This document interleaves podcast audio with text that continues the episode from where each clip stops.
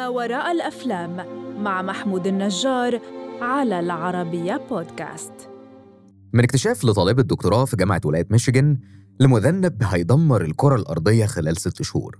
والمشكلة الحقيقية إن محدش هيصدق إن الأرض هتتدمر خلاص. طب ليه؟ وإيه اللي بيحصل؟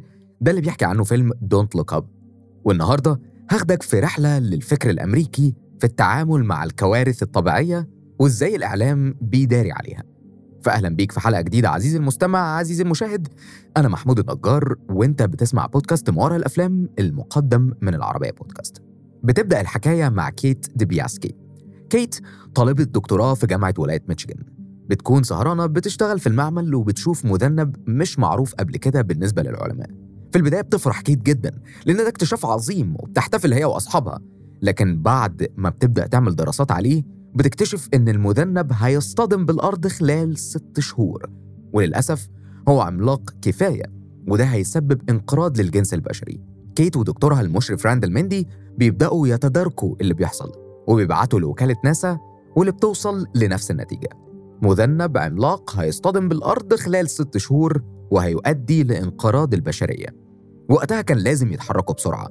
كيت ومندي معاهم الدكتور تيدي بيروحوا للبيت الأبيض علشان يبلغوا عن المصيبة دي.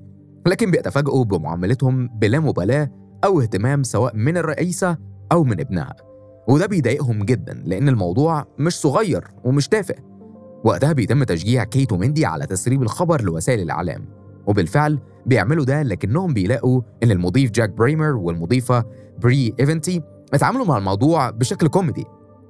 وحولوا النقاش لهزار وسخرية وده سبب فقدان كيت لأعصابها على الهواء مباشرة. اللقاء بيفشل ذريع. كيت بتبقى سخرية وترند الناس كلها بتشمت فيها ودكتور مندي بيبقى ترند هو كمان بس بتعليقات إيجابية على مظهرها وأسلوبه المتوازن على الهواء. مش بس اللقاء فشل لكن محدش صدقهم وتعاملوا مع الموضوع بسخرية تامة. بيتطور الموضوع أكتر لما جوسلين كالدر مديرة ناسا في أورليان بتطلع وتنفي كل الأخبار اللي كيت قالتها على الهواء مباشرة. وعايز أقول لك إن الشخصية دي مش بتفهم في الفلك أصلا. كل ده هيتغير بسبب السياسة. لما رئيسة البيت الأبيض أو رئيسة الولايات المتحدة بتتعرض لفضيحة وتتحول لحديث ال social media والإعلام.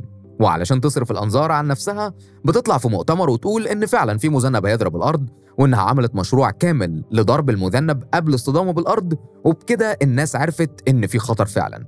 ولكن الموضوع اتغير مساره تماما. ليه؟ ببساطة لما المهمة بدأت بيظهر بيتر وبيتر ده ملياردير ورئيس تنفيذي لشركة BASH Cellular.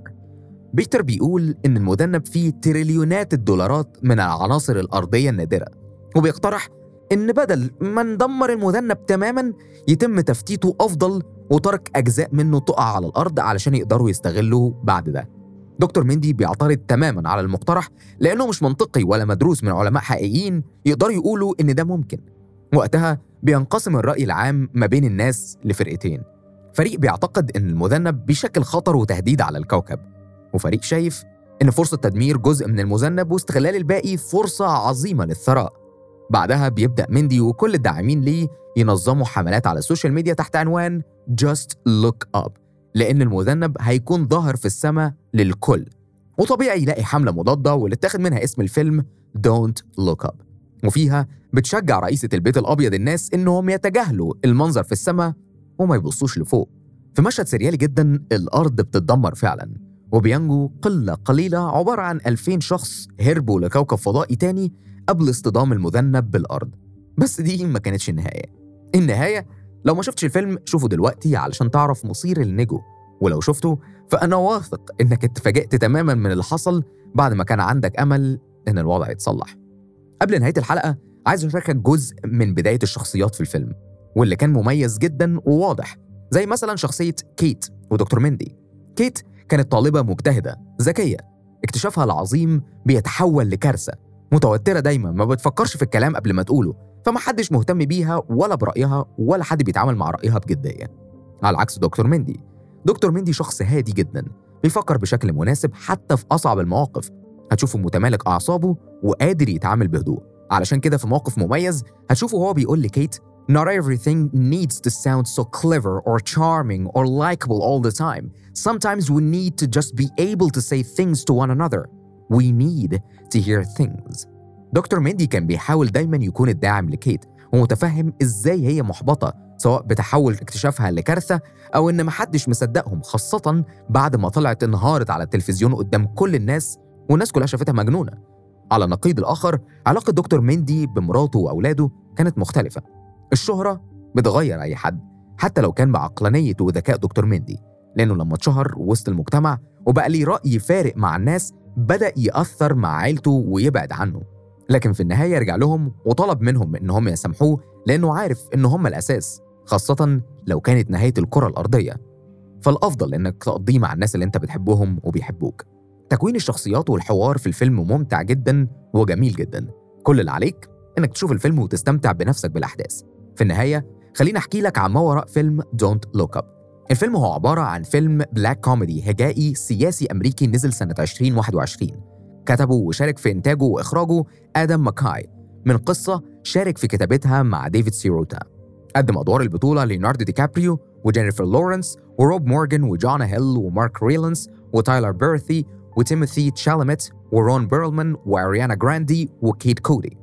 تم الإعلان عن الفيلم في نوفمبر سنة 2019 ومن إنتاج شركة McKay's Hyperobject Industries و Bluegrass Films تم الإشادة بفيلم Don't Look Up لأداء الممثلين لكن النقاد انقسموا الفريقين.